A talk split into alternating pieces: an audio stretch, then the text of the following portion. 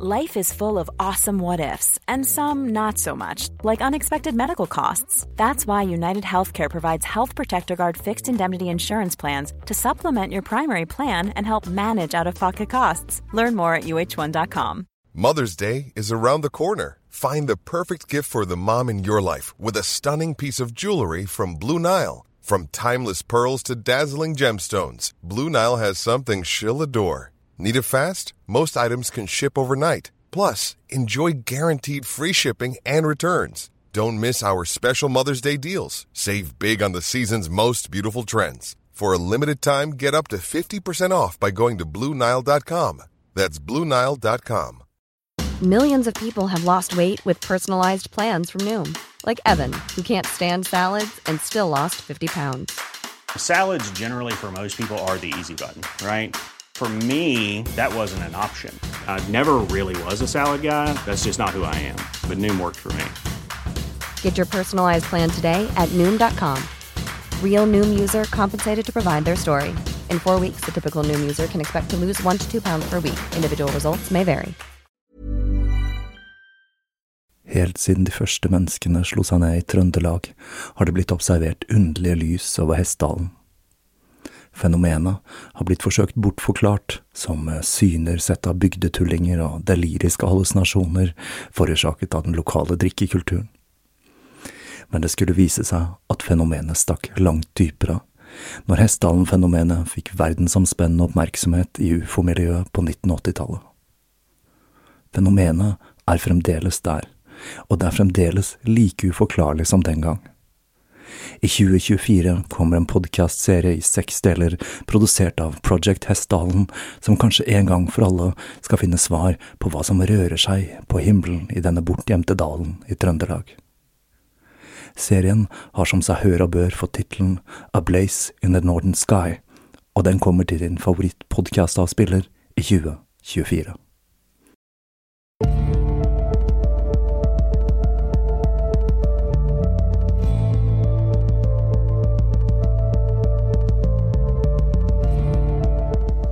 Hei og velkommen til Tåkeprat. Jeg heter Even, og når jeg tar opp denne episoden, så er det søndag den 9. juli 2017. Og vi har da kommet til episode 32 og den fjerde og siste delen av Døtre av det tredje riket.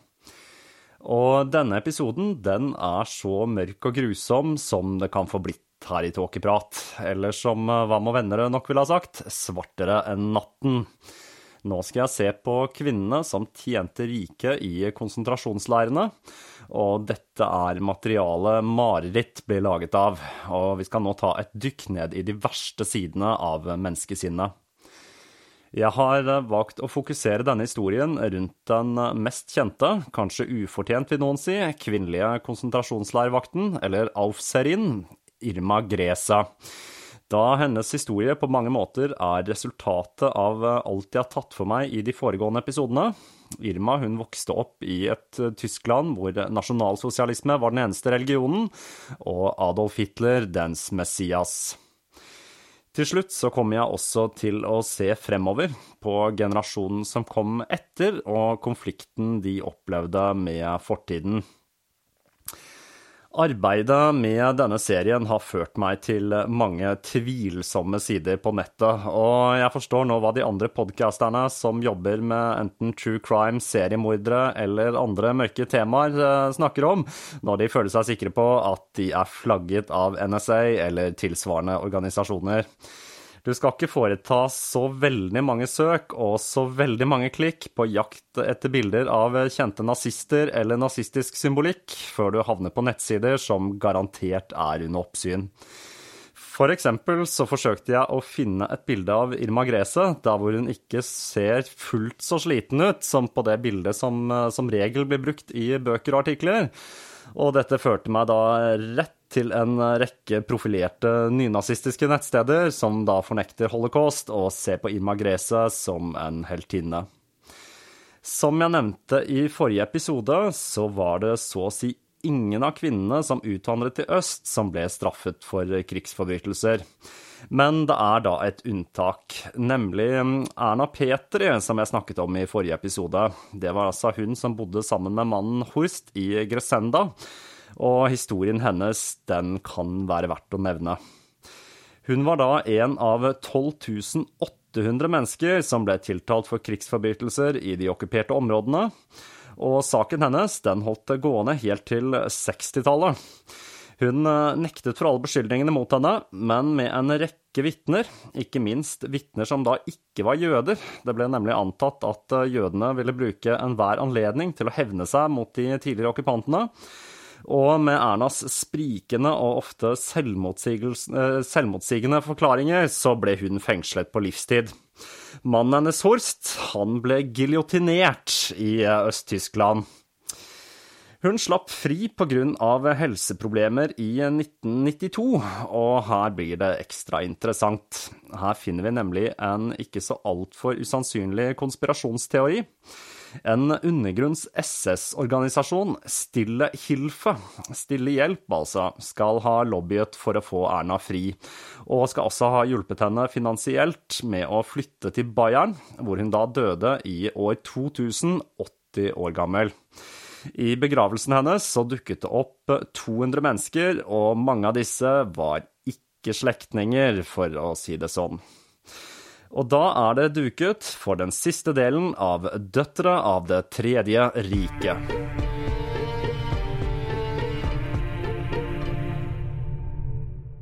Jeg kan ikke slippe historien om kvinner i Det tredje riket uten å ha tatt en liten kikk på Ravensbruk, den eneste rene kvinnelige konsentrasjonsleiren i riket. Leiren ble påbegynt i 1938 på ordre fra Heinrich Himmler, og de første fangene ble transportert dit i mai 1939. Til å begynne med så var leiren en mønsterleir, og forholdene der var langt bedre enn i de andre leirene i riket.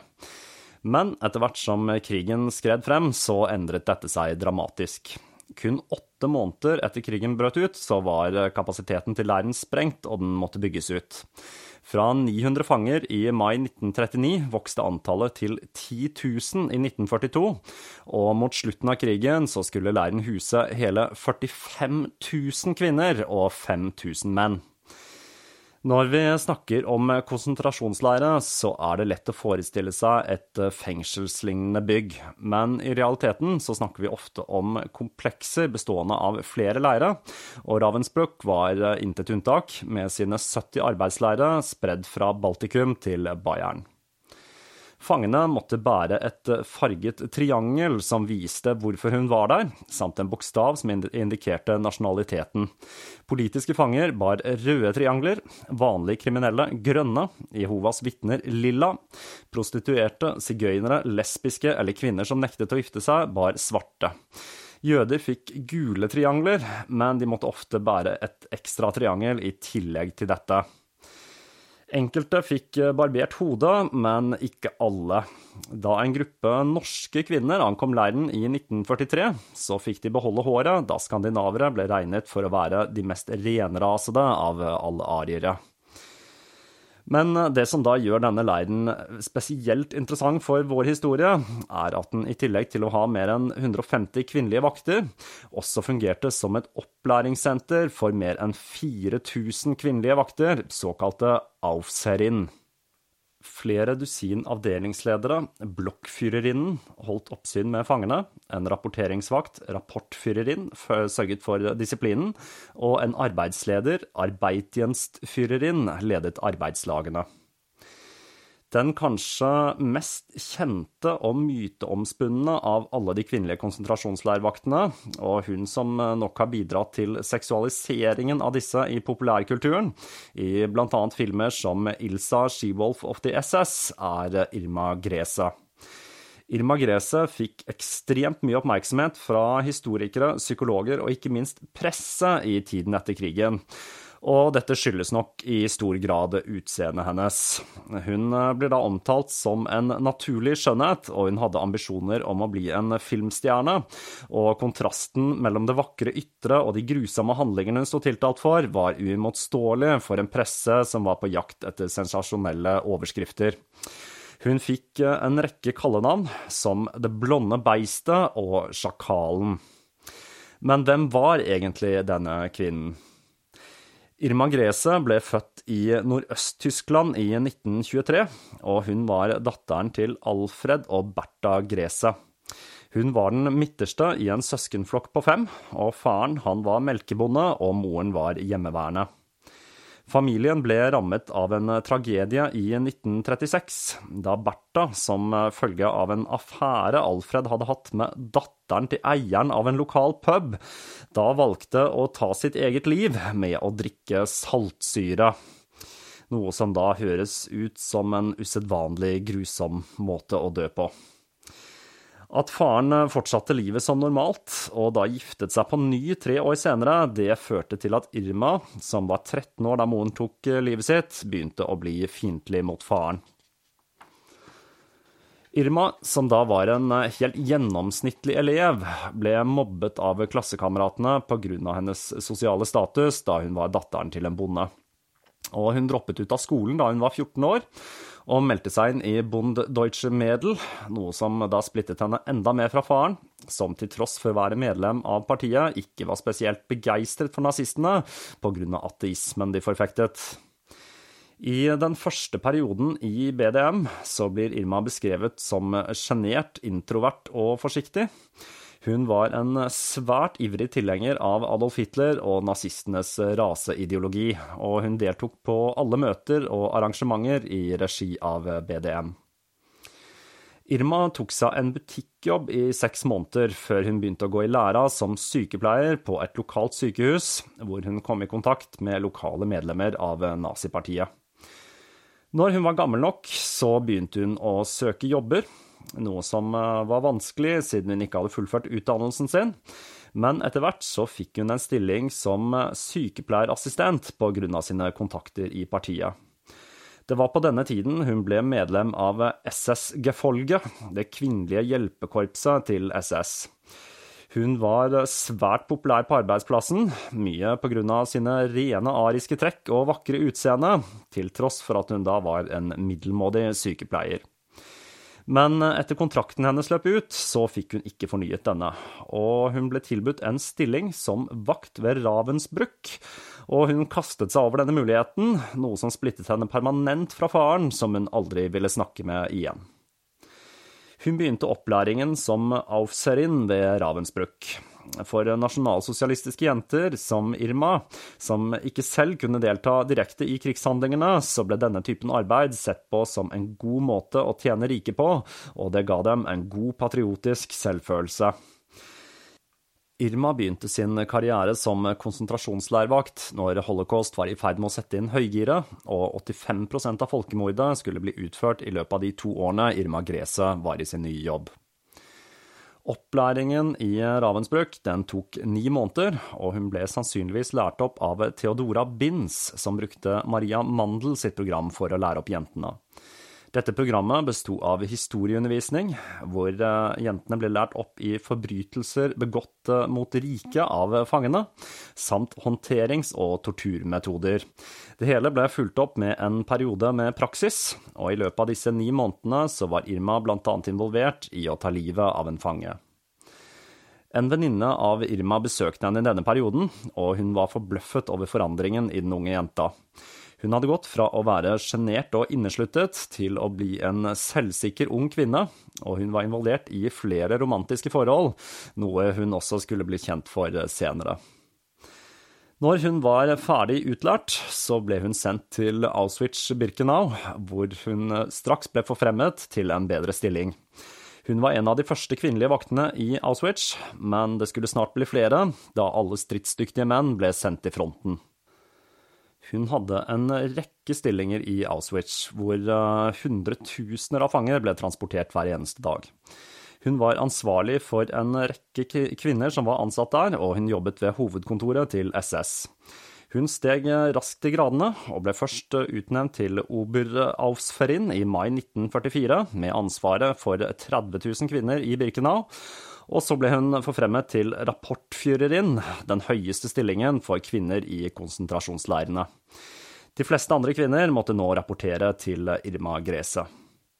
Men til tross for alle forfremmelsene, så brøt hun en rekke regler i leiren. Kvinner hadde ikke lov til å bære våpen, de var utstyrt med en batong eller ridepisk for å holde styr på fangene. Kvinner skulle også alltid være i følge med en bevæpnet mannlig offiser av lavere rang, noe som gjorde at kvinnene ofte ble omtalt som SS Hundsführerin, fordi de ofte var ansvarlig for å håndtere vakthundene. Men Grese hun bærte både pisk og pistol, selv om kommandanten av Auschwitz på den tiden hadde lagt ned et forbud mot bruk av pisk til fordel for en gummibatong som gjorde mindre skade. Hun brukte også en stokk til å slå fangene. Irma hadde nå ansvaret for 30 000-40 000 fanger, og en av oppgavene hennes var å velge ut hvilke fanger som skulle henrettes. Dette var da som regel fanger som ikke lenger var i stand til å jobbe, noe som førte til at de innsatte gjorde det de kunne for å framstå som friske. Irma testet da dette med pisken sin, og hun var involvert i noen av de største fangetransportene i krigshistorien.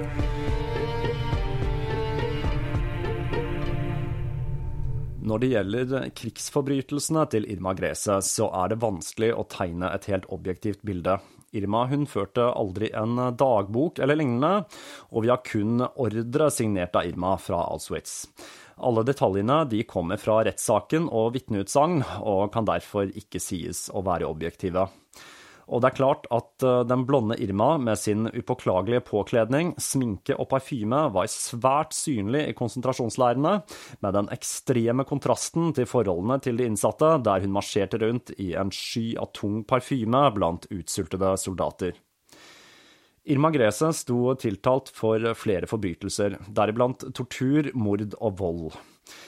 Ettersom hun var eh, en av de ansvarlige for utvelgelsen av fanger til likvidering, så kan vi anta at hun i det minste var ansvarlig for 1000 dødsfall, men antageligvis så er dette tallet langt høyere. Irma var alltid perfekt kledd, i en formsydd uniform med høye lærstøvletter som hun også brukte som våpen. En del av torturen i fangeleirene var psykologisk, og Irma hun brukte utseendet sitt i dette psykologiske spillet, noe som gjorde henne enda mer hatet av fangerne. Det ble også fortalt at hun hadde en rekke seksuelle forhold både til de andre vaktene og til enkelte fanger. En antakelse som blir forsterket av at ledelsen så gjennom fingrene at, på det at hun bærte våpen. Pisken til Irma den var laget av flettet cellofan og var gjennomsiktig som hvitt glass og påførte store skader på de som ble utsatt for den. Hun ble også sagt å få en sadistisk seksuell nytelse ved å slå fangene, kvinner og barn inkludert.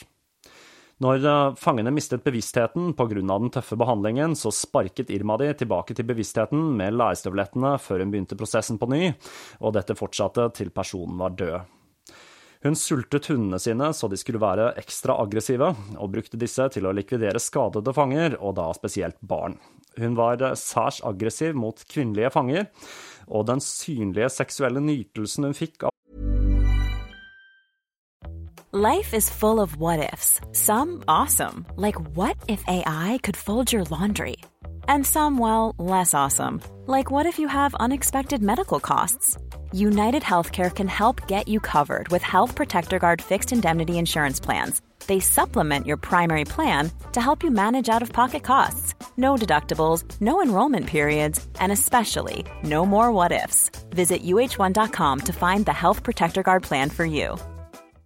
How would you like to look five years younger? In a clinical study, people that had volume added with Juvederm Voluma XC in the cheeks perceived themselves as looking five years younger at six months after treatment. Look younger, feel like you. Add volume for lift and contour in the cheeks with Juvederm Voluma XC. Reverse signs of aging by adding volume to smooth laugh lines with Juvederm Volure XC. For important safety information and to find a licensed specialist, visit juvederm.com. That's J U V E D E R M.com. Not for people with severe allergic reactions, allergies to lidocaine, or the proteins used in Juvederm. Common side effects include injection site redness, swelling, pain, tenderness, firmness, lumps, bumps, bruising, discoloration, or itching. There's a risk of unintentional injection into a blood vessel, which can cause vision abnormalities, blindness, stroke, temporary scabs, or scarring. Talk to a licensed specialist to find out if it's right for you. Slå disse festet seg i hukommelsen på de som overlevde leirene. Hun var spesielt brutal mot vakre kvinner, som hun så på som utfordrere til sin egen skjønnhet, og kledde disse ofte nakne i kulda og pisket de til døde. Disse kvinnene var også Irmas førstevalg for transport til gasskamrene.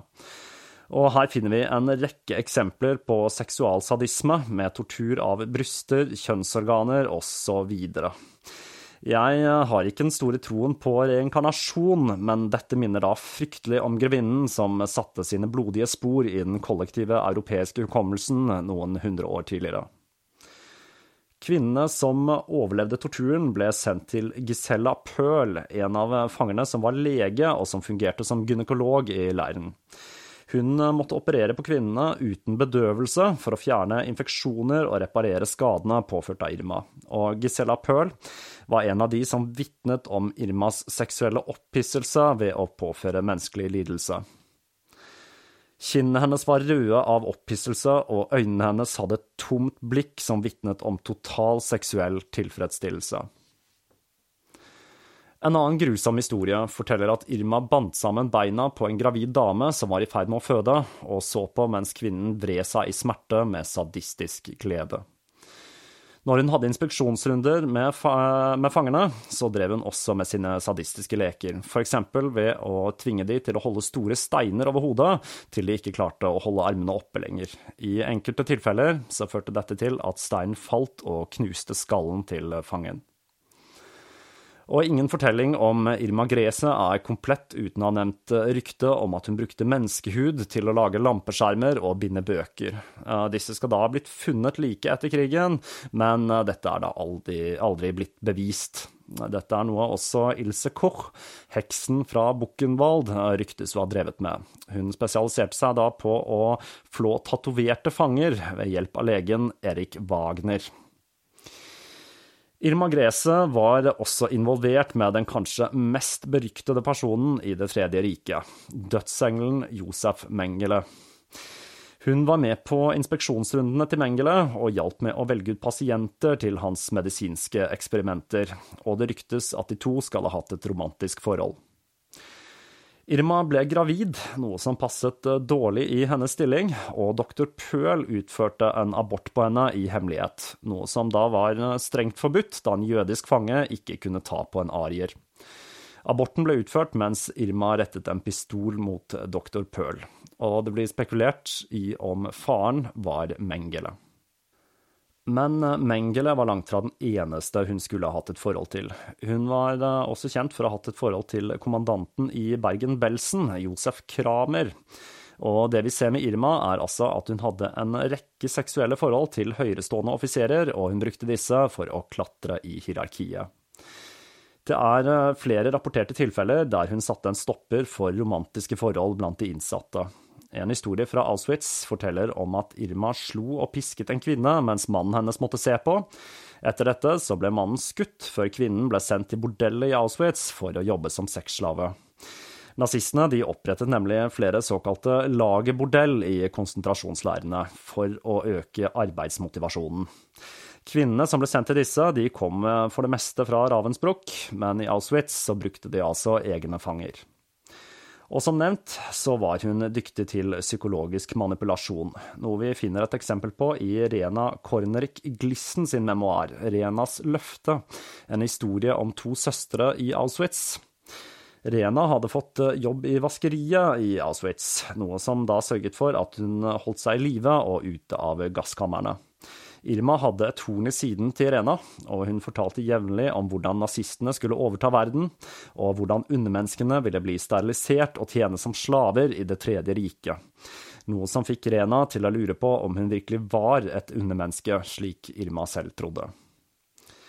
Den 15. april 1945, når britiske tropper oppdaget og frigjorde Bergen-Belsen ved hjelp av canadiere, så var det bare noen få SS-vakter igjen der, etter leiren var blitt rammet av et utbrudd med tyfus. Irma Grese var en av vaktene som var igjen i leiren. BBC-korrespondenten Richard Dimbleby beskrev opplevelsene i Bergen-Belsen på følgende måte. Over et mål var dekket av døde og døende, du kunne ikke skille de to.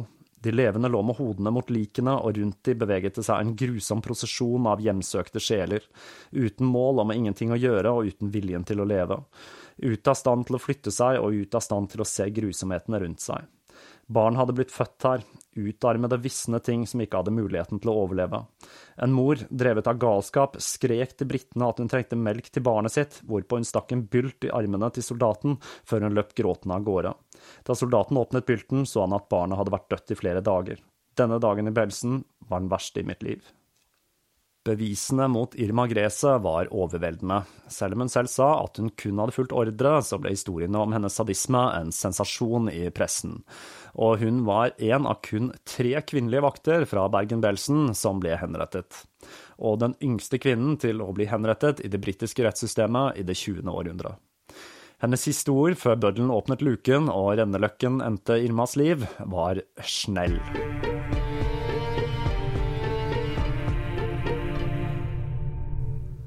Det var altså kun tre kvinnelige vakter fra Bergen-Belsen som ble henrettet. Irma Grese, Elisabeth Folkenrath og Johanna Bordmann. Som de andre vaktene så anså de seg selv for å være medlemmer av SS, til tross for at Himmlers elite ikke aksepterte kvinner i organisasjonen. De var medlemmer av SS Helferinnenkorps, eller SS-gefolge, og denne organisasjonen ble i motsetning til SS ikke erklært en kriminell organisasjon etter krigen, og medlemskap førte derfor ikke til automatisk fengselsstraff. Dette var en gruppe lavt utdannede kvinner som hadde blitt rekruttert via annonser i avisene eller via BDM. Men Himmler hadde gjort det klart at han forventet at SS skulle behandle disse kvinnene som sine egne, og troen på at de var medlemmer av en legitim avdeling av SS, ga disse en følelse av å være viktige for riket, og det legitimerte sadismen og volden de utførte. Til tross for all medieoppmerksomheten rundt gresset, så var Elisabeth Folkenrath kjent som den mest fryktede vakten i leiren. Hun var også svært glad i å slå og torturere fangene, og hun trente hundene sine til å rive i stykker fanger, lem for lem. Hun var 26 år gammel da krigen tok slutt. Johanna Bormann var den eldste av de tre, med sine 52 år, og hun brukte spesialtrente ulvehunder til å rive i stykker ofrene sine. Hun var en tidligere misjonær som hadde tatt jobben som konsentrasjonsleirvakt for å tjene mer penger. Flere kvinner ble dømt til døden i desember 1946 sjefssykepleier Elisabeth Marshall, Aufserin Greta Bøsel, Oberaufserin Dorothea Binz og kapos Carmen Mori og Vera Salekart. En capo det er da en fange som assisterte vokterne. Marshall var tiltalt for mishandling av fanger og inhumane eksperimenter, og Binz ble funnet skyldig i å slå, piske og skyte kvinnelige fanger. Det var også et tilfelle der hun skulle ha drept en fange med øks. Bøsel hadde jobben med å bestemme hvilke fanger som skulle gasses, og hvem som kunne jobbe. Enda fem kvinner sto på tiltalebenken i den tredje Ravensbrück-rettssaken i april 1948 for deltakelse i drap i satellittleiren Ukkermark. To ble løslatt, og to ble fengslet, og den tredje, SS Oberaufsfurin Ruth Klosius, ble hengt etter å ha blitt funnet skyldig i tortur og drap av kvinner, menn og barn. I eh, en syvende serie rettssaker i 1948 ble enda to kvinner dømt til døden. Den 60 år gamle Emma Simmer og den 36-årige Ida Schreiber. Flere ble dømt til døden, men dommene ble senere omgjort til eh, fengselsstraff. Doktor Herta Oberhauser var en av flere kvinnelige leger som deltok i nazistenes pseudovitenskapelige programmer. Hun utførte grusomme medisinske eksperimenter på fanger, og hun var den eneste kvinnen av de 23 på tiltalebenken i rettssaken mot rikets leger i desember 1946. Men hun unnslapp dødsstraff, og etter 20 år i fengsel så gjenopptok hun praksisen sin, før en tidligere fange gjenkjente henne og hun mistet retten til å praktisere som lege på livstid. En ny generasjon jenter skulle vokse opp i skyggen av Det tredje riket, i et Tyskland som for all tid ville være svertet av grusomhetene som ble utført i forsøket på å etablere Hitlers tusenårsrike.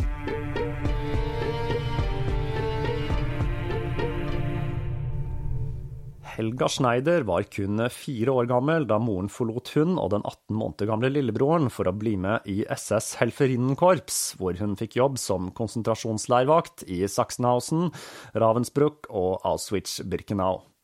Når faren måtte flytte til en annen by for å jobbe, så ble Helga og broren boende med stemoren, som da sultet og slo de to, slik at de ikke skulle vokse opp og bli sånn som moren. Når stemoren til eh, slutt fikk nok av det hun anså for å være ulydighet fra Helga, så sendte hun henne til en av de mange institusjonene som var laget for å eliminere uønskede gener fra den tyske befolkningen. Under oppholdet så ble Helga tvangsfòret, utsatt for en rekke tester og innesperret i et rom uten vinduer i kjelleren i flere dager i strekk. Men stemoren så seg til slutt nødt til å ta den lille jenta tilbake, da det ikke ble avdekket noen uønskede genetiske trekk. Når eh, Helga ble gjenforent med broren, så ble hun sjokkert over å finne ut at han var blitt en dedikert tilhenger av nazipartiet. Han kunne ramse opp navnet på alle de høyerestående partimedlemmene, og han snakket om Adolf Hitler som om han var julenissen. For å blidgjøre stemoren så hadde han lært seg flere fragmenter av Goebbels taler utenat. Helga ville fremdeles ikke underkaste seg stemorens disiplin, og siden hun var blitt erklært åndsfrisk, ble hun til slutt sendt til en kostskole, som da utrolig nok var drevet av en kvinne som snakket åpent om hvor mye hun avskydde nazipartiet og nasjonalsosialisme. Og her fant Helga en trygg havn, vekk fra galskapen som red Berlin. Men mot slutten av krigen så ble hun hentet hjem av stemoren, og hun ble møtt av et Berlin i ruiner. Uten strøm, vann og elektrisitet, og telefoner kunne høres ringende i de utbombede bygningene, men det var ingen der til å svare de. Hygiene var en luksus som ingen kunne unne seg, og det lå råtnende lik i gatene. Det ble sagt at eh, de levende luktet verre enn de døde.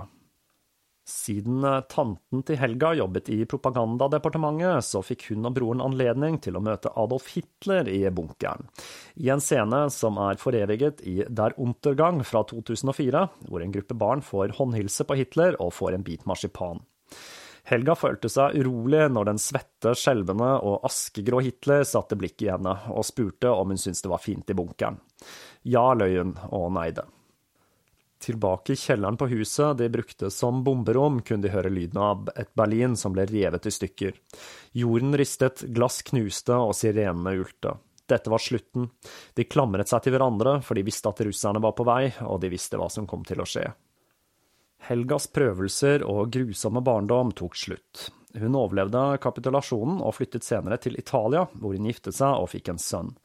Men hun hadde ikke glemt moren, og i 1971 så fikk hun et brev fra Wien hvor hun ble spurt om hun hadde lyst til å komme på besøk. En bølge av blandede følelser skyllet over henne, men hun bestemte seg for å dra, for hun ville vite hvorfor moren hadde forlatt henne og broren. Hun ble møtt av en fremmed. Det var eh, ingen klemmer, ingen tårer, bare en vag følelse av tilfredsstillelse over at Helga hadde tatt seg bryet med å reise til Wien. Traudi Schneider var en følelseskald kvinne som aldri hadde hatt følelser for sine barn. Hun hadde ikke trengt ytterligere indoktrinering for å behandle mennesker som kveg. Hun var blitt opplært i Harte Ausbildung SS-programmet for å bli effektiv til å gjete nakne, vettskremte og utsultede kvinner og barn til gasskamrene. Helga var sjokkert over å møte denne kvinnen hun aldri hadde kalt mor, som var så lik på henne selv, men en fullstendig fremmed uten anger for hva hun hadde gjort. Jeg ble dømt til seks år i fengsel i Nürnberg, sa hun. Dømt for krigsforbrytelser, men det betyr ingenting lenger. Med nasjonalsosialisme så var jeg noen, nå er jeg ingen. Traudi fortalte at hun hadde tjent under Rudolf Hess og ble skuffet da Helga ikke ble imponert. Hun fortalte om hvordan hun hadde sendt en kvinne til bordellet i leiren som straff, og hvordan hun hadde bistått de medisinske eksperimentene i leiren. Den eneste gangen hun viste følelse, et forsiktig smil, var når hun snakket om å sende spedbarn i døden, og skuffelse når Helga viste sin åpenbare avsky for hva moren fortalte. Traudi åpnet klesskapet og fant fram uniformen hun hadde fortalt kledde henne så godt. Den var tatt vare på og i perfekt stand 30 år etter. Hun rakte den til Helga. Vil du ikke prøve den på, jeg er sikker på at den vil kle deg, sa hun med stolthet i stemmen.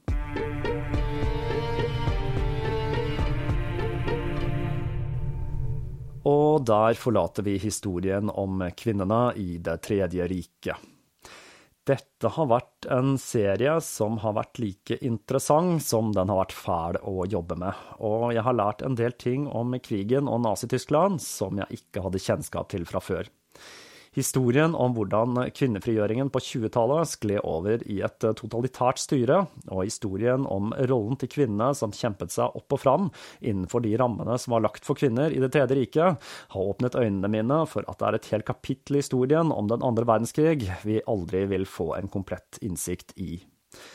Konsentrasjonsleirvaktene, som Irma Grese, var kun toppen av isfjellet, og med det gigantiske rettsoppgjøret etter krigen, og med det kvinnesynet som regjerte på den tiden, så var det mange av disse kvinnene som skled gjennom fingrene på rettsapparatet og ut av historien. I denne serien har jeg valgt å ikke ta med historier om kvinnene som motsatte seg diktaturet og hjalp de som ble forfulgt av nazistene. Disse historiene er da fortalt så mange ganger fra før, og jeg ønsket å ta for meg de som jobbet for Det tredje riket. Men eh, det kan kanskje være på sin plass å minne på at det var mange som kjempet for frihet i hjertet av diktaturet. Med all sin staffasje og propaganda så virket nazistene imponerende, men det som slår meg igjen og igjen når jeg leser historier fra krigen, det er at nazistene fremstår som uintellektuelle bøller. I denne typen diktaturer så er det alltid de intellektuelle som først må bøte med livet. Individualitet er et diktaturs verste fiende. Og fram til neste episode så gjenstår det bare å si på gjenhør.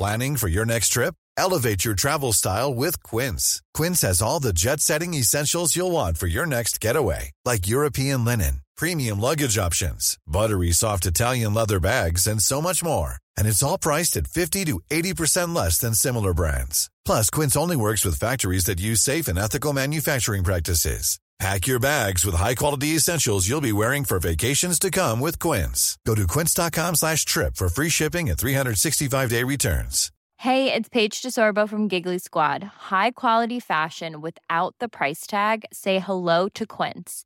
I'm snagging high-end essentials like cozy cashmere sweaters, sleek leather jackets, fine jewelry, and so much more. With Quince being 50 to 80% less than similar brands. And they partner with factories that prioritize safe, ethical, and responsible manufacturing. I love that. Luxury quality within reach. Go to quince.com slash style to get free shipping and 365 day returns on your next order. Quince.com slash style.